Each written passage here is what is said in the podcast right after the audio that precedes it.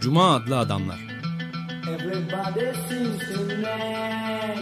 Hazırlayan ve sunanlar Halil Turhanlı ve Ömer Madra.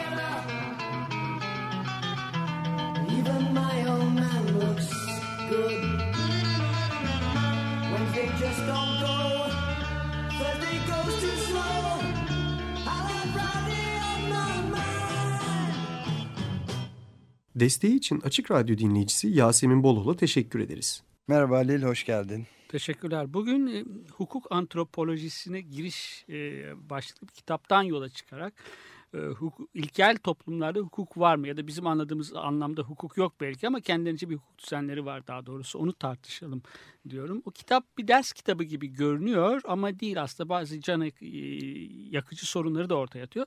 Ama bizim zaten konuşmamız o kitapla sınırlı kalmayacak. E, Simon Robertson e, kitabın girişinde teşekkür ettiği Laura Nader'ın düşünceleri var mesela.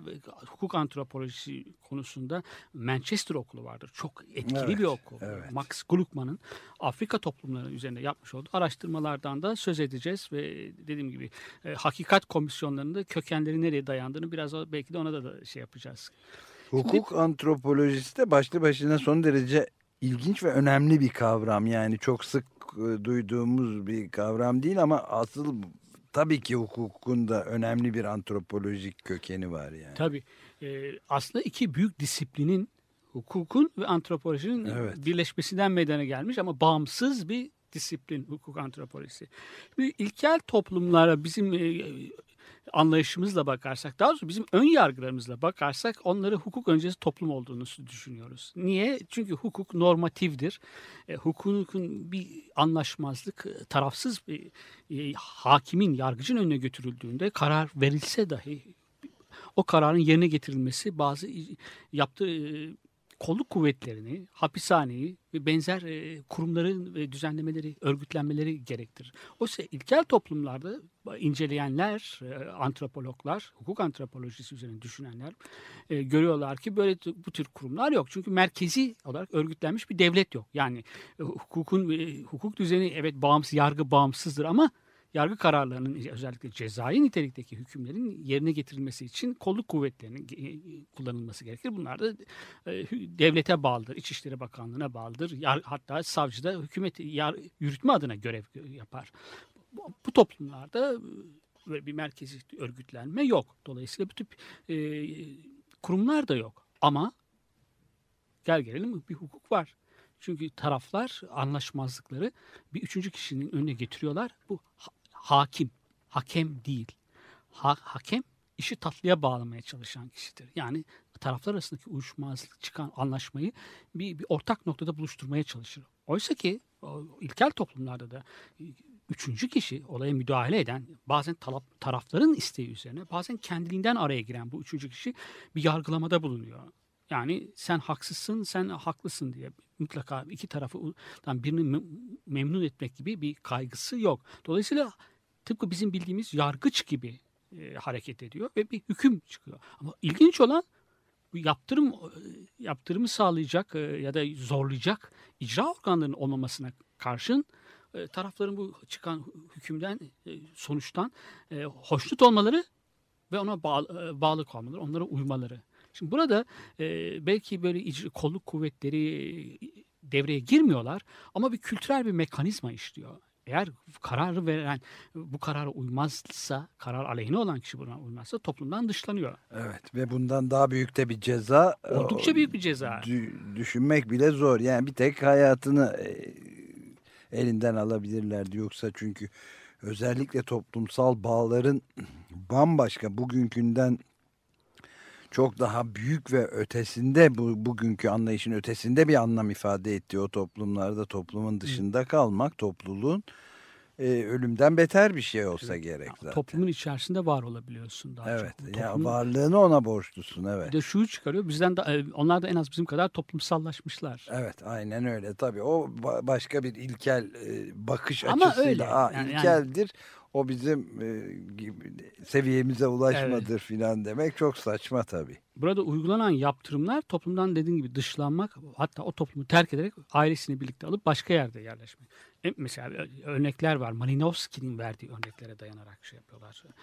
E, balık avlamaya e, sandallarını almamak gibi bir şey. Tek başına avlanması çok mümkün değil. Ağ atması bir şeyin o Evet. zamanki tekniğe göre.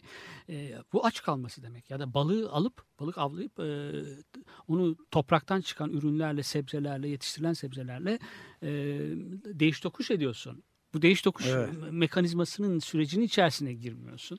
Dolayısıyla aileni beslenmiyor. besleyen- Bir aileye yapılan bir yaptırım var. Bu çok ağır bir yaptırım aslında. Kolluk kuvvetleri yok E, ve dediğim gibi bir kültürel mekanizma bir de adetler e, devreye giriyorlar ve e, kural ver- verilmiş olan hükmün yerine getirilmesini sağlıyorlar. Yani hukuk bu toplumlarda şunu söyleyebiliriz. Onlar da hukuk öncesi toplumlar değil kendilerince hukukun yürürlükte olduğu bir toplu- e, topluluklar bunlarda. E, hapishanelerin olmaması yani hukukudan söz edebilmek için mutlaka şeyleri yargı organının dışında yar- yargı verilen kararı yerine getirecek o tür kolluk kuvvetlerine e, hapishanelere gerek olmadığını söylüyor bize. Şimdi bir şey daha var. Burada e, bizim modern biz modernler modern toplumda bir istikrar saplantısı vardır. Mutlaka her şeyin e, yerli yerinde olmasını ve düzenin olmasını gerekli görürüz. Oysa ki Max Weber de söylüyor, Georg Simmel de söylüyor. E, modern toplum, her toplumda, insanların yaşadıkları her toplumda çatışmalar kaçınılmazdır. İstikrar toplumun devamını sağlayabilir ama çatışmalar toplumun kendisini yenilemesini sağlar. Evet. Bu da çok önemli. Bu şimdi özellikle e, önce Tunus'ta e, başlayan sonra da Mısır'a sıçrayan ve hala hazırda sonucunu da bilmediğimiz büyük ayaklanma hatta ben bunlara devrimci bir dalga diyorum devrim diyorum bizatihi. Hiç de yanlış Bu- değil aslında devrim evet. Evet bence burada şey de görünüyor işte. Tabii tabii. Ee, istik mesela Amerika Birleşik Devletleri ve Batı bir bütün olarak Hı hı. Avrupa ülkeleri filan da işte ya istikrar ya kaos ikilemini e, işte Müslü Mübarek ya da Zeynel Abidin bin Ali gibi diktatörlerin uzun yıllar süren e, vahşi zalim diktatörlerin hırsızlık e, şeylerinin temel kleptokrasilerin temel öne sürdükleri şey olan ya biz ya istikrarsızlık yani kaos şeyine Batı da maalesef çanak Evet, tutuyor. evet. Çünkü sevgili sevdikleri diktatörler onların çıkarlarına uyduğu sürece ve böylece hala bu kaç üçüncü haftasına girmişti bu konuşmayı yaptığımız bu kaydı yaptığımız sırada Mısır'daki devrim dalgası hala e, istikrar aman istikrar diyor Avrupa Birliği'nden filan böyle yatıştırıcı şeyler geçiş düzenli bir geçiş Hı olsun Hı. kaos olmasın diye bunu da ancak kim sağlar kolluk kuvvetleri vesaire gibi yani işkenceci muhaberatın başını koydular. Evet. Göstermelik bir, birkaç değişiklik göster- onlar Evet. ama Kozmetik değişiklikler aman istikrar ama evet. Bunu ama Mısır ve diğer halklar da yemiyor diye düşünüyorum artık. Artık orada evet demiyorlar yani. Evet. Onları memnun et, hoş olmuyor. Bir öfkesi var kalabalığın. Kız örgütlenmiş bir aslında son derece örgütlü. Ee, yani bir örgütün önderliğinde çıkmıyorlar e, meydanlara ama e, kendi ar- aralarında son derece örgütlü hareket eden bir kalabalık var. Halk var. Demos var. Evet, Demo- demos var. demokrasinin kurucu kolektivitesi. Ko- Kolektivi. E, dediğin gibi doğru oradaki bir devrim var. Şimdi burada yapılması gereken yani toplumlarda istikrar her türlü istikrarsız her türlü talebi hak talebini hak talebini bir patolojik bir e, bir şey nitelikte görmemek lazım. Kime karşı ayaklı taleple bulunuyorlarsa halkın e, isteklerini yerine getireceksin orada. Yaban ilkel toplumlarda bu e, Max Weber'in modern toplumlarda ve diğer ikiden fazla, iki birden fazla insanın olduğu her yerde bir çatışma. Yani bu normaldir e, diyor Max Weber.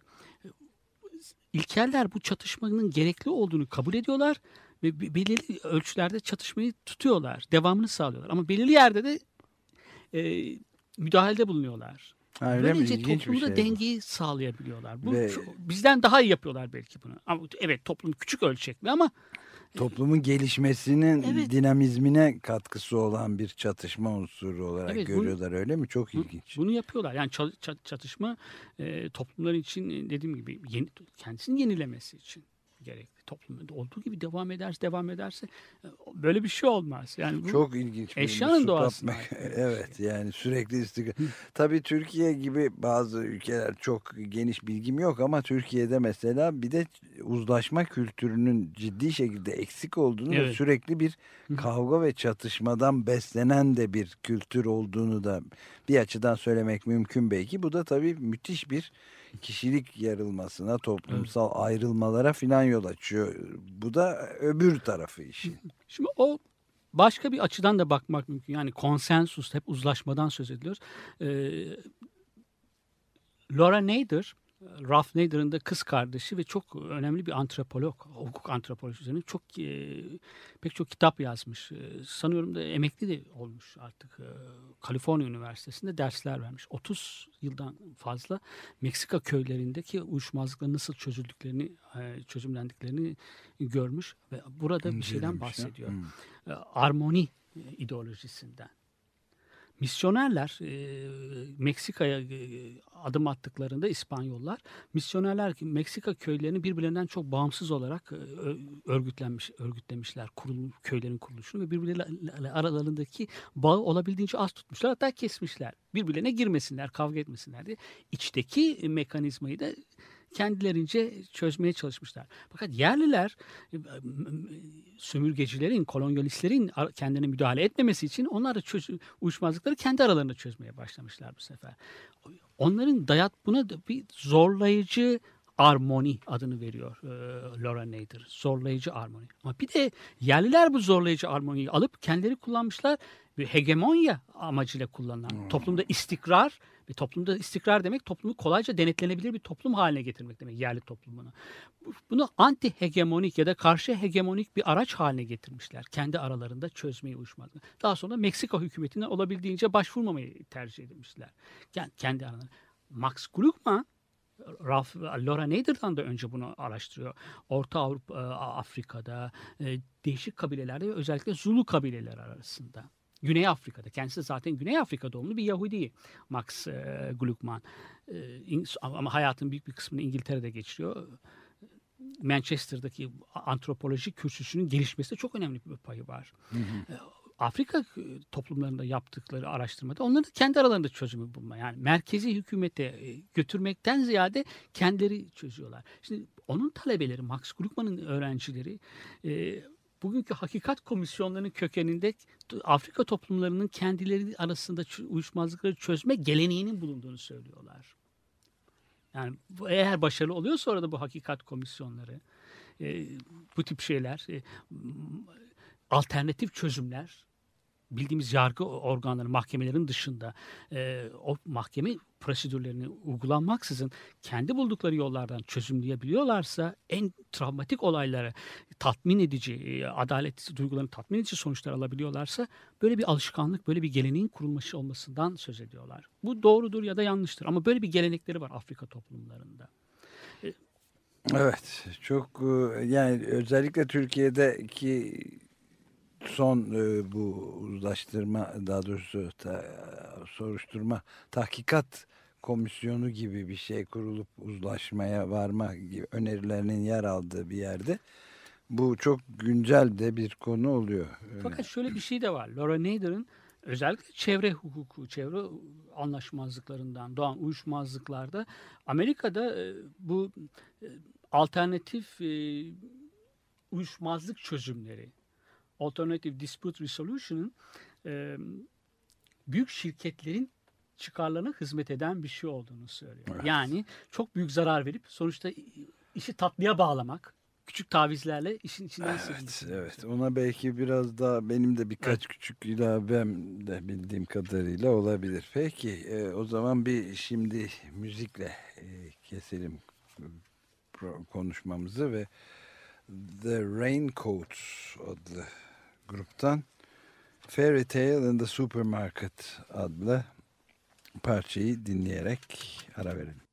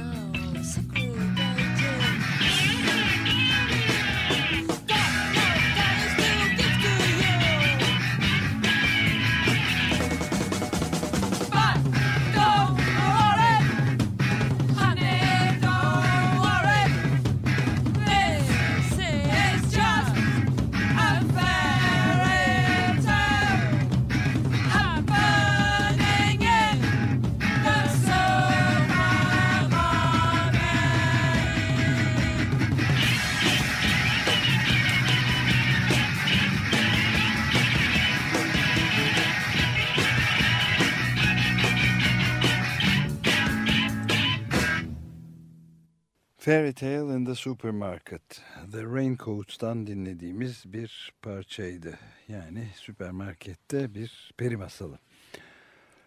Evet. e, Cuma adlı Adamlar programı Açık Radyo 94.9 AçıkRadyo.com ve bugün ele aldığımız kitaplardan biri yani bugün temel kalkış noktası yaptığımız programımıza kitabın adı Hukuk Antropolojisine Giriş. Simon Robertson Birleşik Yayın Evi tarafından yayımlanmış ve Türkçe'ye de A. Erken Erkan Koca tarafından kazandırılmış bir kitap 2010 yılında Türkçe'ye çevrilmiş ve yayınlanmış. Oradan hukuk antropolojisi gibi e, çok önemli ama ihmal edilmiş de zaman zaman ihmal edilmiş olduğunu da söyleyebileceğimiz bir kavrama da girmiş oluyoruz. Ve özellikle de uzlaşma mekanizmaları toplumdaki hukuki ve diğer uzlaşma, uzlaştırma mekanizmalarının Türkiye'de özellikle tartışıldığı bir dönemde de önemli bir güncelliği olduğu da söylenebilir. İlla güncellikte arayacak olursak eğer. Ve buradan bir şey sonuç daha çıkıyor. Modern hukukta daima bir cebir unsuru var. Yani bizler e, bir hukuk düzeninden söz edebilmek için tam anlamıyla bir hukuk düzeninden söz edebilmek için bir cebir e, boyutunun e, ona ek, mutlaka eklenmiş olmasını gerekli görüyoruz. Bunu içermeyen bir hukuk e, düzenini tam olarak hukuk düzenini saymıyoruz kendimizinkiyle kıyaslayarak. Ve bu o e, toplumları, o ilkel toplumları dediğimiz tırnak içerisinde ilkel toplumları hukuk öncesi toplum olarak e, tanımlıyoruz. Oysa kendilerince bir hukuk düzenleri var. Hatta söylediğimiz gibi ya da Simon Robertson, Laura Nader'ın çalışmaları, Max Gluckman'ın e, Afrika toplumlarında yapmış oldukları çalışmalara dayanarak bizim de söylediğimiz gibi e, verilen kararlara e, hakim olarak, e, yargıç olarak görev yapan kişinin bir kabile büyüğü olabilir. E, Her bir birisi olabilir orada. E, onun vermiş olduğu kararlara uyuluyor. Evet toplumdan dışlama mekanizmaları var. Bunlar yaptırımlar var. Ama bir de şöyle de bakmak lazım. İnsanların verilen kararlar e, adalet duygusunu tatmin etmiş olduğu için de uyuyor olabilirler insanlar. Yani o ilkel toplum. Evet, tabii. Kararları adil buldukları için Elbette. uyuyorlar. O bir- Aksi takdirde uy- uygulamayı yani belki birkaç kısa dönem için geçerli olabilir ama uzun vade, orta ve uzun vadede uygulamayı sağlamak Evet. imkansız olurdu adalet duygusuna. inanmasalar ya hiçbir toplumda gerek Öyle. ilkel dediğimiz gerekse de son derece karmaşıklaşmış modern hatta postmodern toplumlar Evet. içinde aynı şey geçerli herhalde değil mi? Evet. Ee, şimdi hukuk antropolojisinin kurucu metni 1861'de sanıyorum. Evet 61'de e, Sir Henry e, Mayne'in yazmış olduğu e, Ancient Law, kadim hukuk, eski hukuk kitabı. Eski Bu hukuk, evet. bir avukat, e, İngiliz avukatı ve biz kolonyalistin bakış açısıyla ilkel toplumları e, incelemiş. Fakat ilkel toplumları incelerken yani tek e, yönlü bir çizgiyle bakmış. Tek yönlü çizgi ne demek istediğimi şöyle açıklayayım. E, Batılı toplumların e, hukuk evrimini esas alarak onlara uyup uymadıklarını kontrol etmiş. Uymuyorlarsa şey değil. Fakat ilginç saptamaları da var aslında Sir Henry Sumner Mayne'in. E, Mesela bir kavram ortaya atıyor. Yargı e, aristok e, yargı oligarşisinden söz ediyor. İlginçti şu to, bugün bizim hukukumuza yaklaşan bir benzeyen bir hukuk ancak toplumlar toprağa e, yerleştikten sonra çıkıyor.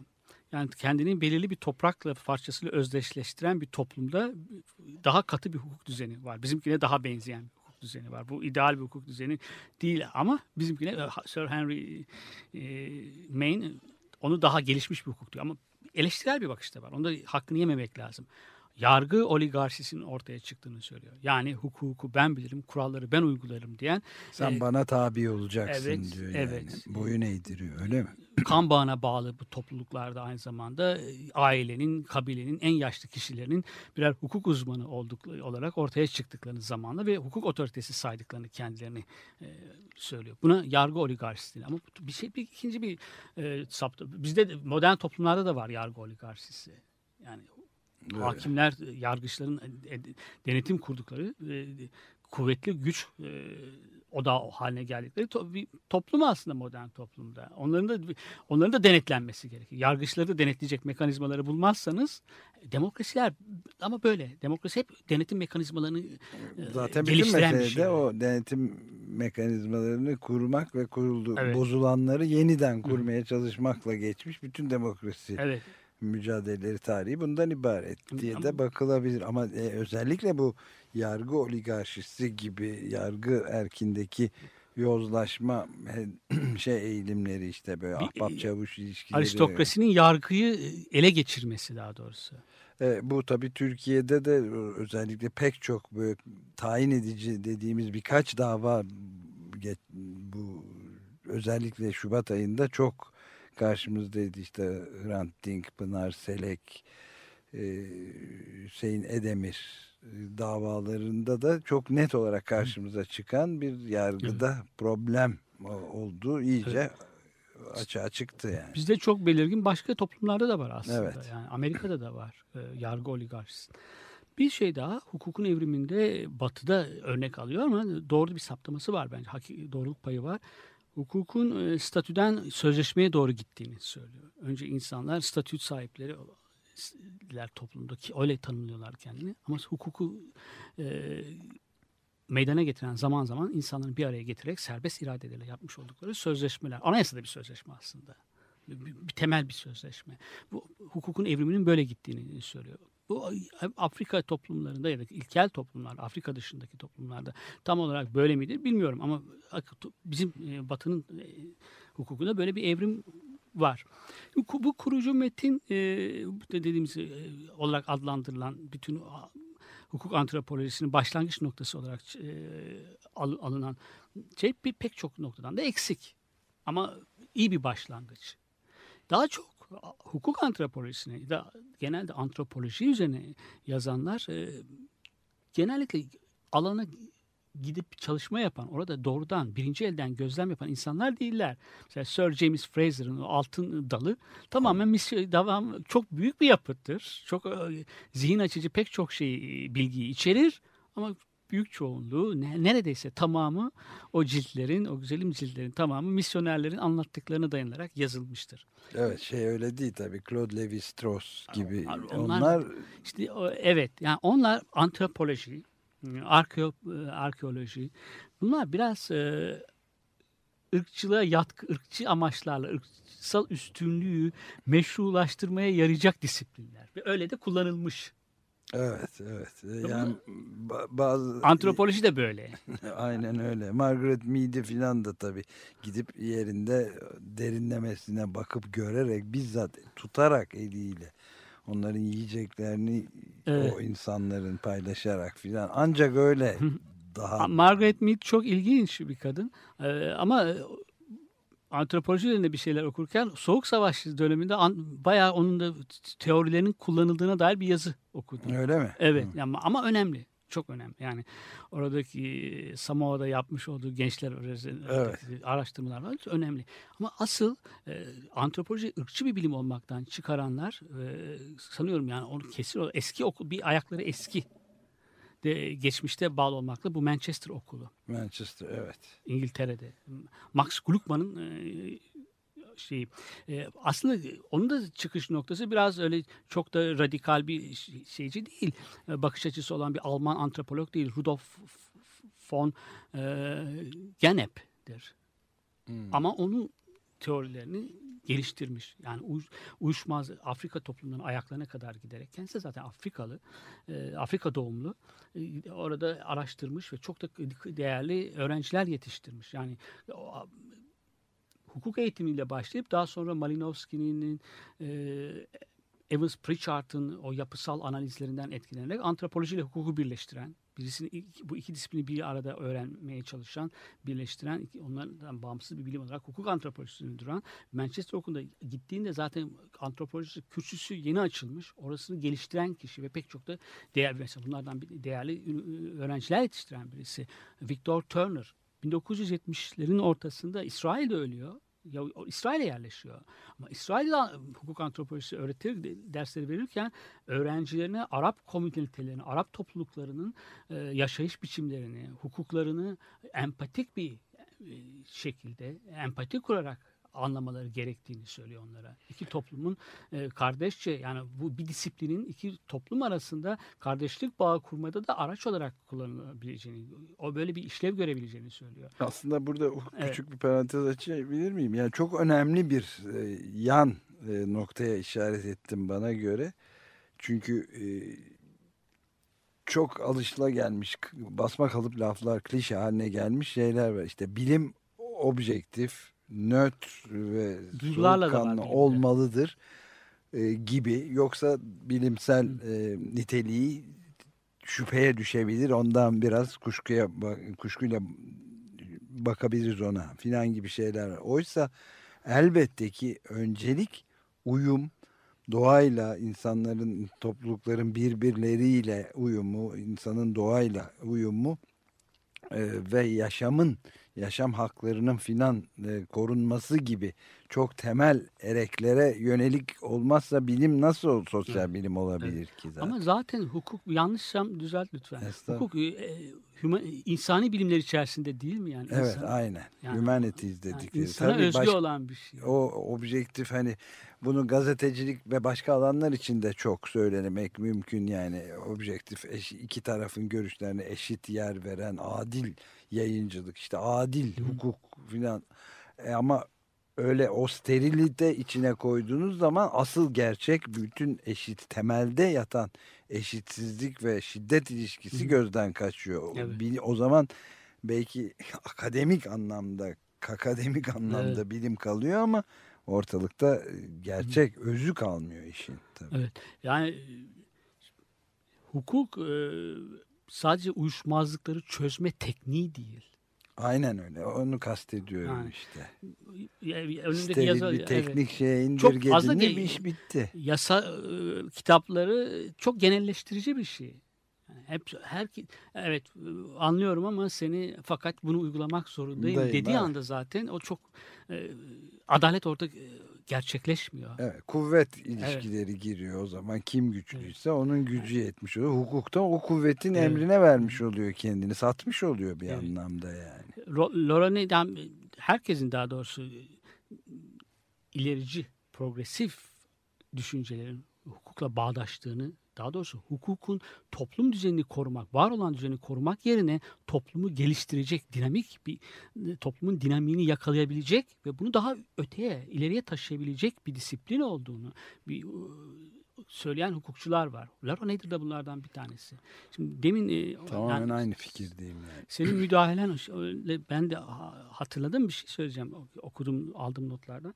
1960'larda diyor Laura Nader, Amerika'da mahkemeler e, çok şey vermişlerdi. E, yani hukukun topluma içermediği hakları o ana kadar var olan hukuk düzeninin içermediği hakları o düzene dahil edecek kararlar verdiler mahkemeler diyor. Bir de hukuk yapıcı şeyleri var, yetkileri var.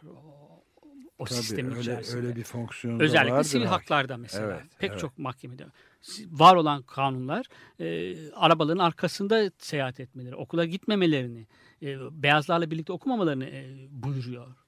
Bu böyle bir düzenleme. Ama mahkemeler artık bunun bunlar karşı buna bu kuralları çiğneyenlerin haklı olduğunu şey yapıyorlar. Sivil itaatsizliği Tavanını patlatıyor yani Evet. olduğu gibi. var olan ettiriyor. düzende ha- yargıçlar e, bir gedik açıyorlar ve orada siyahları o düzen içerisine e, yurttaş olarak e, dahil ediyorlar.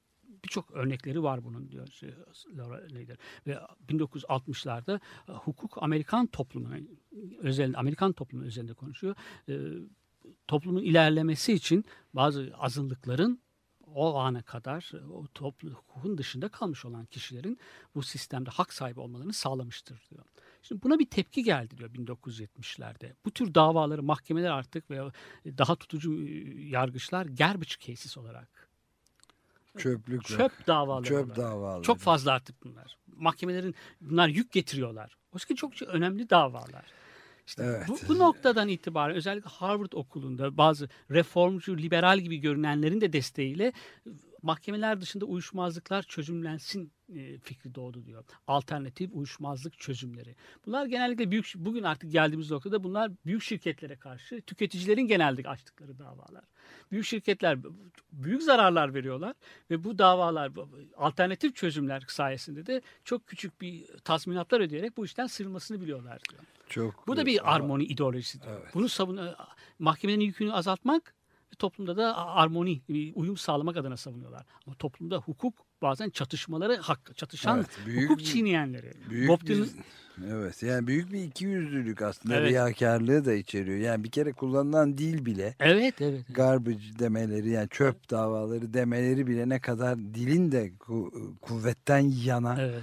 Ve bir çeşit e, hadi çok ileri gitmek pahasına da olsa söyleyeyim şiddeti dahi Evet, evet. içeren bir e, Dilinde var araç şey. hale Evet, geliyor. doğru. Yani e, ve o zaman da tabii şirket zaten bütün dünyanın gidişatıyla ilgili olarak e, yanılmıyorsam Chomsky bir yerde söylüyordu. Yani bir avuç Amerikan hukukçusu e, bir gerçek kişi gibi şirketlere kişilik verdikleri anda çöktü bütün sistem diyor. Yani onlar da da- dava edebiliyorlar. Gerçek insanlar gibi kendi haklarını korumak için dava edebilir hale geldikten sonra şirketler tüzel kişilik kazanıp o denge toplumdaki adalet dengesi ve hukuki denge tamamen e, bir tarafa kaydı.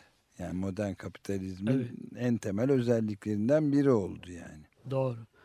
Ama bir soru daha geliyor burada. Yani Laura Nader var olan mahkemeler o yerleşik hukuk düzeni içerisinde var olan yürürlükteki hukuk düzeni, pozitif hukuk düzeni içerisinde halledilsin de demiyor. Çünkü o da hukuk düzeni de pek değişmeye muhtaç bir hukuk düzeni. Evet. Yani o da çok şey. Evet aynen öyle. Burada uluslararası İtalyan hukukçuyla yapmış oldukları çalışmalar var. Ee, yani e, kolonyalizm döneminden kalmış olan uluslararası ilişkilerde hukuk düzenini yürürlükte aşağı yukarı diyor. Neoliberal kapita, e, evrede de yapılan düzenlemeler aşağı yukarı öyle yani sadece iç hukukta değil uluslararası hukukta da uluslararası ilişkilerde de hegemonik bir hukuk sistemi var. İkinci Dünya Savaşı'ndan sonra yeni kurulan devletlerin e, korumak amacıyla kurulan birçok kuruluşlar bu işlevlerini, bu misyonlarını, görevlerini yerine getirmediler. Getirmiyorlar. Çok önemli bir nokta. Belki buradan da biraz daha devam edebiliriz ama istersen bir nefeslenelim müzik dinleyerek. The Au Pairs grubundan We're So Cool adlı şarkıyı dinliyoruz.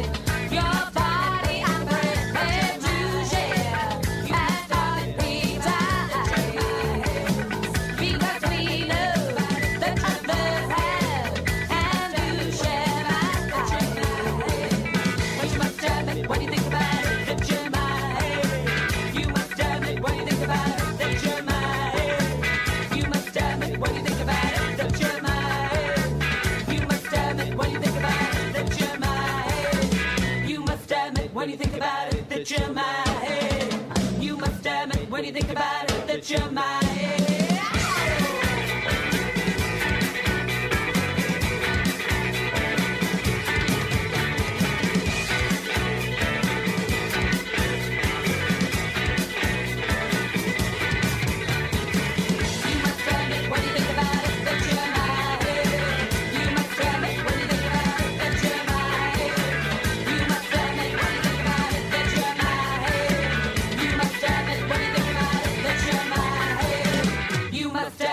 You think about it that you're mine. You must admit when you think about it that you're Evet. We're so cool. The Opers'den dinlediğimiz bir parçayla devam ettik programımıza. Programımız Cuma Adlı Adamlar. Halil Turhanlı ile bendeniz Ömer Madra. Bugün, bugünkü programda hukuk antropolojisine giriş adlı Simon Roberts imzalı bir kitaptan kalkarak bu kitabın içerdiği konuları yani toplumların ilkel dediğimiz topluluklara kadar vararak e, nasıl sorunlarını hukuki yönden ya da uzlaşma yönünde çözdükleri nasıl mekanizmalar ürettiklerini ve adalet duygusu ayrıca biraz da içeride çatışmayı da içerir mi gibi konuları e, ele aldığımız bir program yapıyoruz. Birleşik Yayın Evi'nden çıkmış bu kitap. Hukuk antropolojisine giriş çevirmeni Erkan Koca, A. Erkan Koca ve 2010 yılında çevrilmiş ve yayınlanmış. İlkel toplumlarda uyuşmazlıkların çözül, nasıl çözülendiğini araştırırken Max Gluckman bir şey e, dikkatini çekiyor. çekiyor. Ritüelleri e, uyuşmazlıkları çözmede kullanıyorlar. Daha doğrusu uyuşmazlıklar bir ritüel içerisinde e, çözümleniyor. Bir sahneleme var. Sahneye koyma uyuşmazlığı. Taraflar geliyorlar. Ama e, bugünkü hukukta sahneleme var. Pek çok ritüel niteliğinde aslında. Pek çok kurallar var. Yani, e, Huizinga- Kılık, kılık kıyafete Peruklar, tam başlı başlar. peruklar, cübbeler, Evet. sırmalar, bu da bir ritüel. Yani ritüellerin e, evet biraz kişi aslında ama, e, bir, bir, Huizinga bunu bir oyun olarak görüyordu. Yani ilkel Evet. toplumlardan bize e, in- intikal etmiş bir yargının bir oyunu, e, oyun içerisinde uyuşmazlıkların çözümlenmesi. Afrika'da toplumlarında da böyle. Günümüzde de ritüelin be- belki kuralları belki görünümü değişmiş ama bir ritüel özelliği var hukukun. Yani Evet. sanığın içe alınması, alındıktan sonra sanığın yargı savunma avukatlarının başka yere oturtulması, yerlerin belli olması, yargıçlar gel- geldiğinde ayağa kalkış, e, eskiden bir daktilo vardı o da dahi ayağa kalkardı böyle. Evet. E, kimlik e, tespiti hepsi yemin ettirilmesi tanıkların bunlar ritüel bir kuralları şey yapan bir de bunlar dakt şeyde katipte yazardı bunları. İçeri geldi, sanık, tanık alındı. Hepsini yazardı bunlar. Bıktırıcı bir ritüeldir aslında. Bir an önce sadede geldi yani orada sanık e, huzura alınmış sanık bekliyor hakkında nasıl hüküm verilecek. Evet, benim bu bu konudaki en acayip diyebileceğim hatıram da anım da e, 27 Mayıs e, ta- mahkemelerinin yargılanmasında hala unutamadığım o sözde sanıklar e, getirildiler bağlı olmayarak yerlerini aldılar Evet. derdi Salim Başoğlu. Evet, evet. O zamanki 27 Mayıs e, kanguru mahkemelerinin diyelim Evet. onlara e, Evet. öyle bir o ritüel vardı. Sanki onları söyleyerek çok hukukiymiş, adil bir mahkemeymiş gibi Doğru, Adnan. Menderes ve o hükümetin yargılandığı dönemi hatırladım şimdi ritüel Evet. deyince. Bir de radyodan dinlerler. Evet, radyodan Yani tabii. Şimdi televizyon görüntü alınması falan elleri mahkeme. bağlı olmadan Evet. yerlerine alındılar. Evet. Ee, insanların hatırlamak istemedikleri şey, şeyler, e, olaylar bir daha da tekerrür etmesin dediğin olaylar. Evet, Ama aynen öyle. ben bir şey daha söyleyeyim. Çok ilgi, olayın dışına çıkmak istemiyorum. Mesela 27 Mayıs uzun süre bayram olarak e, Evet, kutlandı. evet. Ee, Bir benim darbe. oturduğum yerde 27 Mayıs bayram olmaktan çıktı ama ba- bayrak asmakta ısrar eden emekli öğretmenler var. Mesleğini de söyledim artık. Kusura bakmazlar bütün her, aynı meslekteki kişileri şey, şey- İlzam e, etmiyor evet tabii. ama bayrak asan kişiler görüyorum. Yani hala niye kutluyorlar bilmiyorum ama bay- bayram olmaktan çıktı uzun süre önce çıktı. Ee, Yani bizim temennimiz bir daha olmasın dediğimiz şeyleri e, keşke bir kez daha olsun diyenler de var. Var evet maalesef. Evet. Laura Nader'ın e, o- uyuşmaz sen de bir, bir ekleme yapacaktın çevre hukukuyla ilgili olarak. Ha evet yani şeyi de e, konuşuyorduk o sırada e, söz başka yere geldi. Yani e, bu özellikle Latin Amerika'da işte Laura Nader'ın da ilgilendiğini Evet. şimdi senden öğrendiğim e, şeylerde çok önemli bir başka bir anlayış gelişmeye başladı. İşte doğanın cansız maddeler, suyun, kayanın filan da haklarının Tabii tabii. korunması anayasaya hatta anayasal birer madde haline alarak en üst hukuk hiyerarşisinde varsa eğer böyle bir şey normlar hiyerarşisinde en üst düzeye oturtulması için önemli çalışmalar yapıldı ve sonuç da alındı. Ekvador anayasasına böyle bir şeyler girdi. Çok önemli. Toprak ananın hakları bütünüyle ve ona zarar verenlerin de giderilme yani bu zararı tazmin etmeleri filan gibi. Oysa mesela en çok çekenlerde işte sen söyledin e, Chevron gibi dev petrol şirketlerinin mahvedip bütün ülkeyi hakikaten yağmur ormanlarını tarumar edip petrol atıklarıyla filan yaşanamaz hale getirip saka- sakatladıklarından sonra da küçük bir tazminatla halledebilmesi için ve orada bir takım yerli avukatların büyük bir kahramanlıkla mücadele edip dev şirkete karşı sonuna kadar götür yıllar ve yıllar süren 10 yıllar süren davaları olduğunu da biliyoruz. Yani herhalde Neydir de bunlarla çok e, Evet, ilgileniyor evet. olmalı. Ee, Şimdi e, uyuşmazlıkların aslında e, olan mahkemeler dışında alternatif yollardan çözümlenmesine bütün bütüne karşı çıkılacak bir şey değil. Çünkü o mahkemeler de çok e, eğer bu değişiklikler olmadı, olmadığı müddetçe ki hala da İş değiştirilmesi gerekiyor, evet. gerekiyor düzeninin.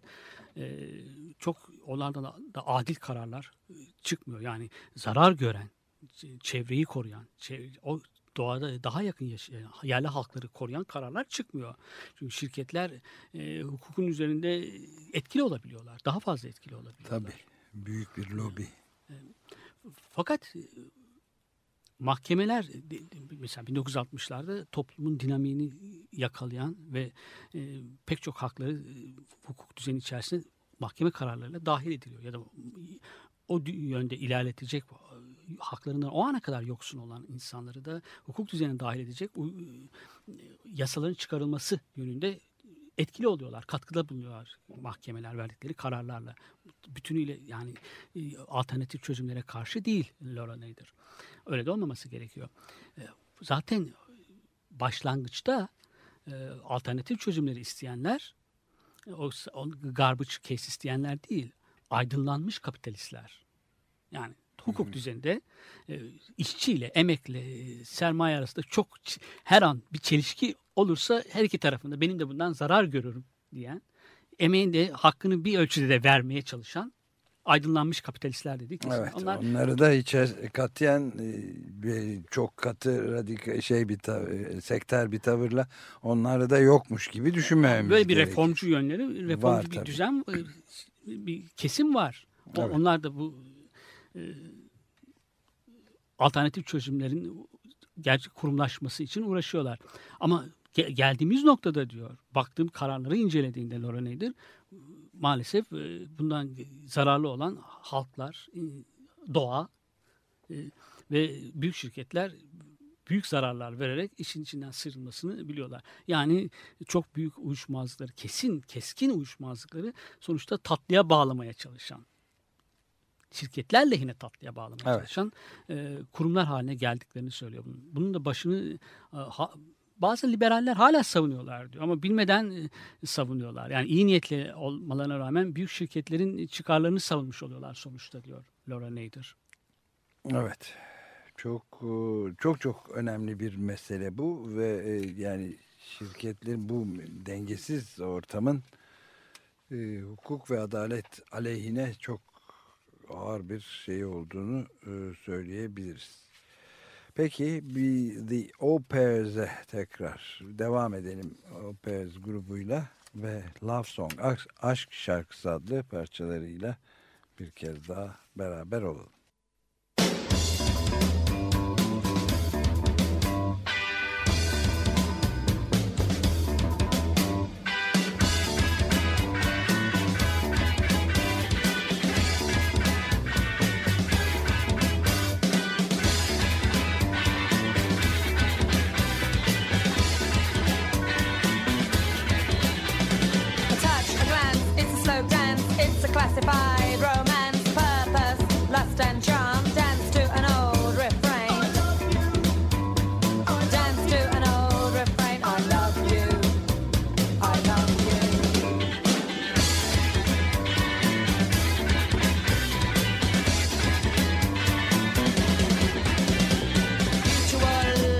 Attachment, semi detachment, rinse out the dream, rinse out the dream, rinse the.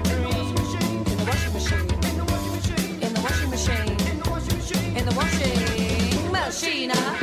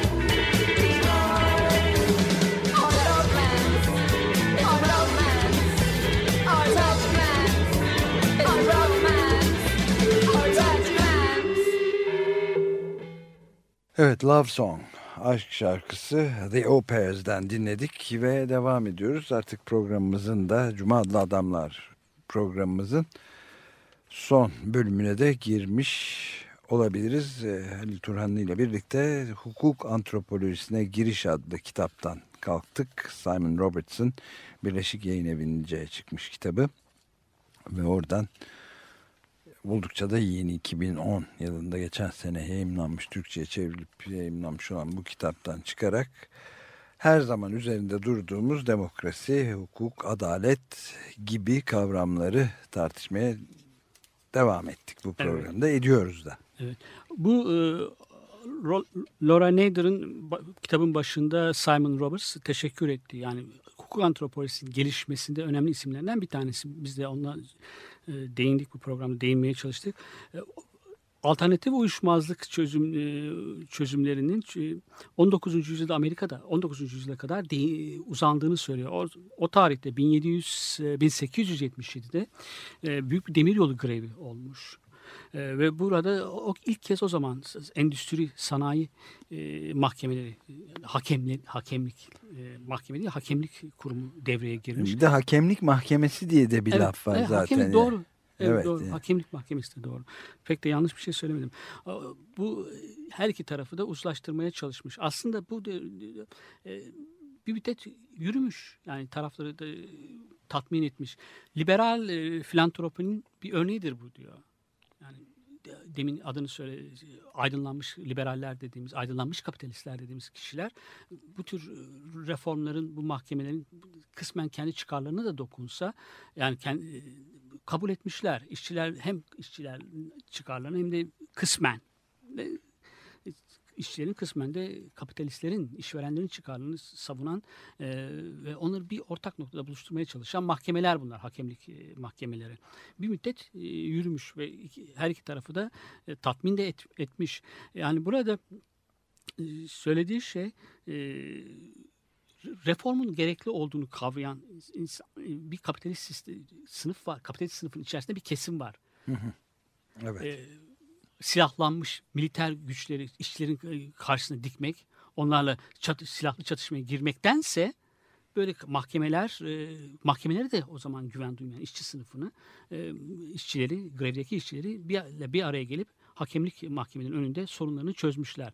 Bu liberal bir görüştür ama diyor artık zamanımızda bu şu, 1960'lardaki e, mahkemeler değişmişlerdi. Sivil haklar döneminde önemli kararlar verdiler ve bunlara tepki haline geldi bu kez diyor uyuşmazlık çözümleri. Mahkemelerden olayları kaçırmaya e, çalışıldı diyor. Bu pek doğru mudur bilemiyorum. Yani mahkemeler illa da mülksüzleri, işçileri, emeği mi koruyorlar?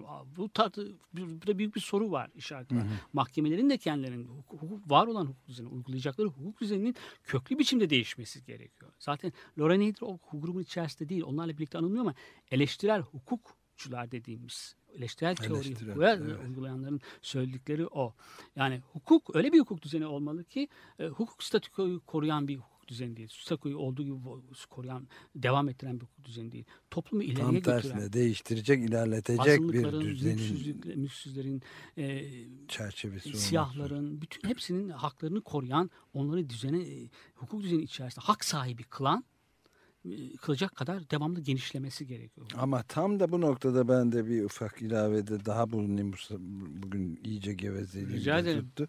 Ee, yani geçen yıl çok tarihi ve çok kötü bir karar çıktı Amerika Birleşik Devletleri'de yüksek mahkemesinde ve şirketlerin Evet, evet, evet. Yani on- siyasi Hı hı. sistemi etkilemedeki bu siyasi partilere büyük yardımlar yapma e, ve lobi faaliyetlerini tamamen Evet, hiçbir şekilde kısıtlamaya tabi tutmayacak serbest bırakacak bir karara imza attı. 5'e 4'lük Evet. yani 9 kişilik yüksek mahkeme. Bu bence çok ağır ve Evet. berbat bir şey. Bunun değiştirilmesinin Yani şart yani. Evet. e, iki tane de haftan birine yüzde yüz iyidir. Bu onun yerini alsın diyemiyorsun. Yani e, mahkemelerde çok dediğin gibi işte bu verdiğin örnek çok e, en keskin, en uç örneklerden bir tanesi hakikaten. Yani Önemli bir açıkça örnek. dev şirketleri politikada tamamen elini Var olan- serbest bıraktı. Amerika'nın da halini görüyoruz giderek yani. Tabii hukuk düzeni hegemonik toplumdaki hegemonik ilişkileri yeniden üreten bir sistem, kurallar bütünü.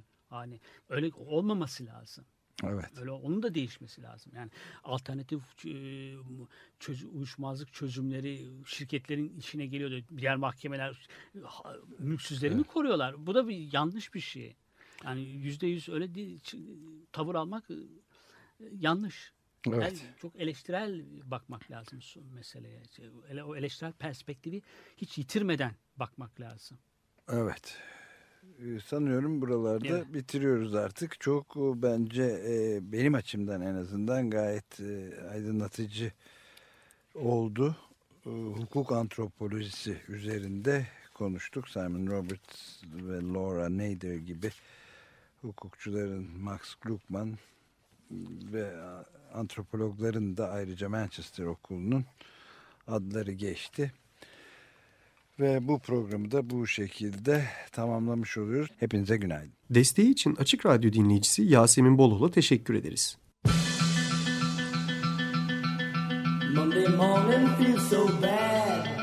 Cuma adlı adamlar. Hazırlayan ve sunanlar Halil Turhanlı ve Ömer Madra.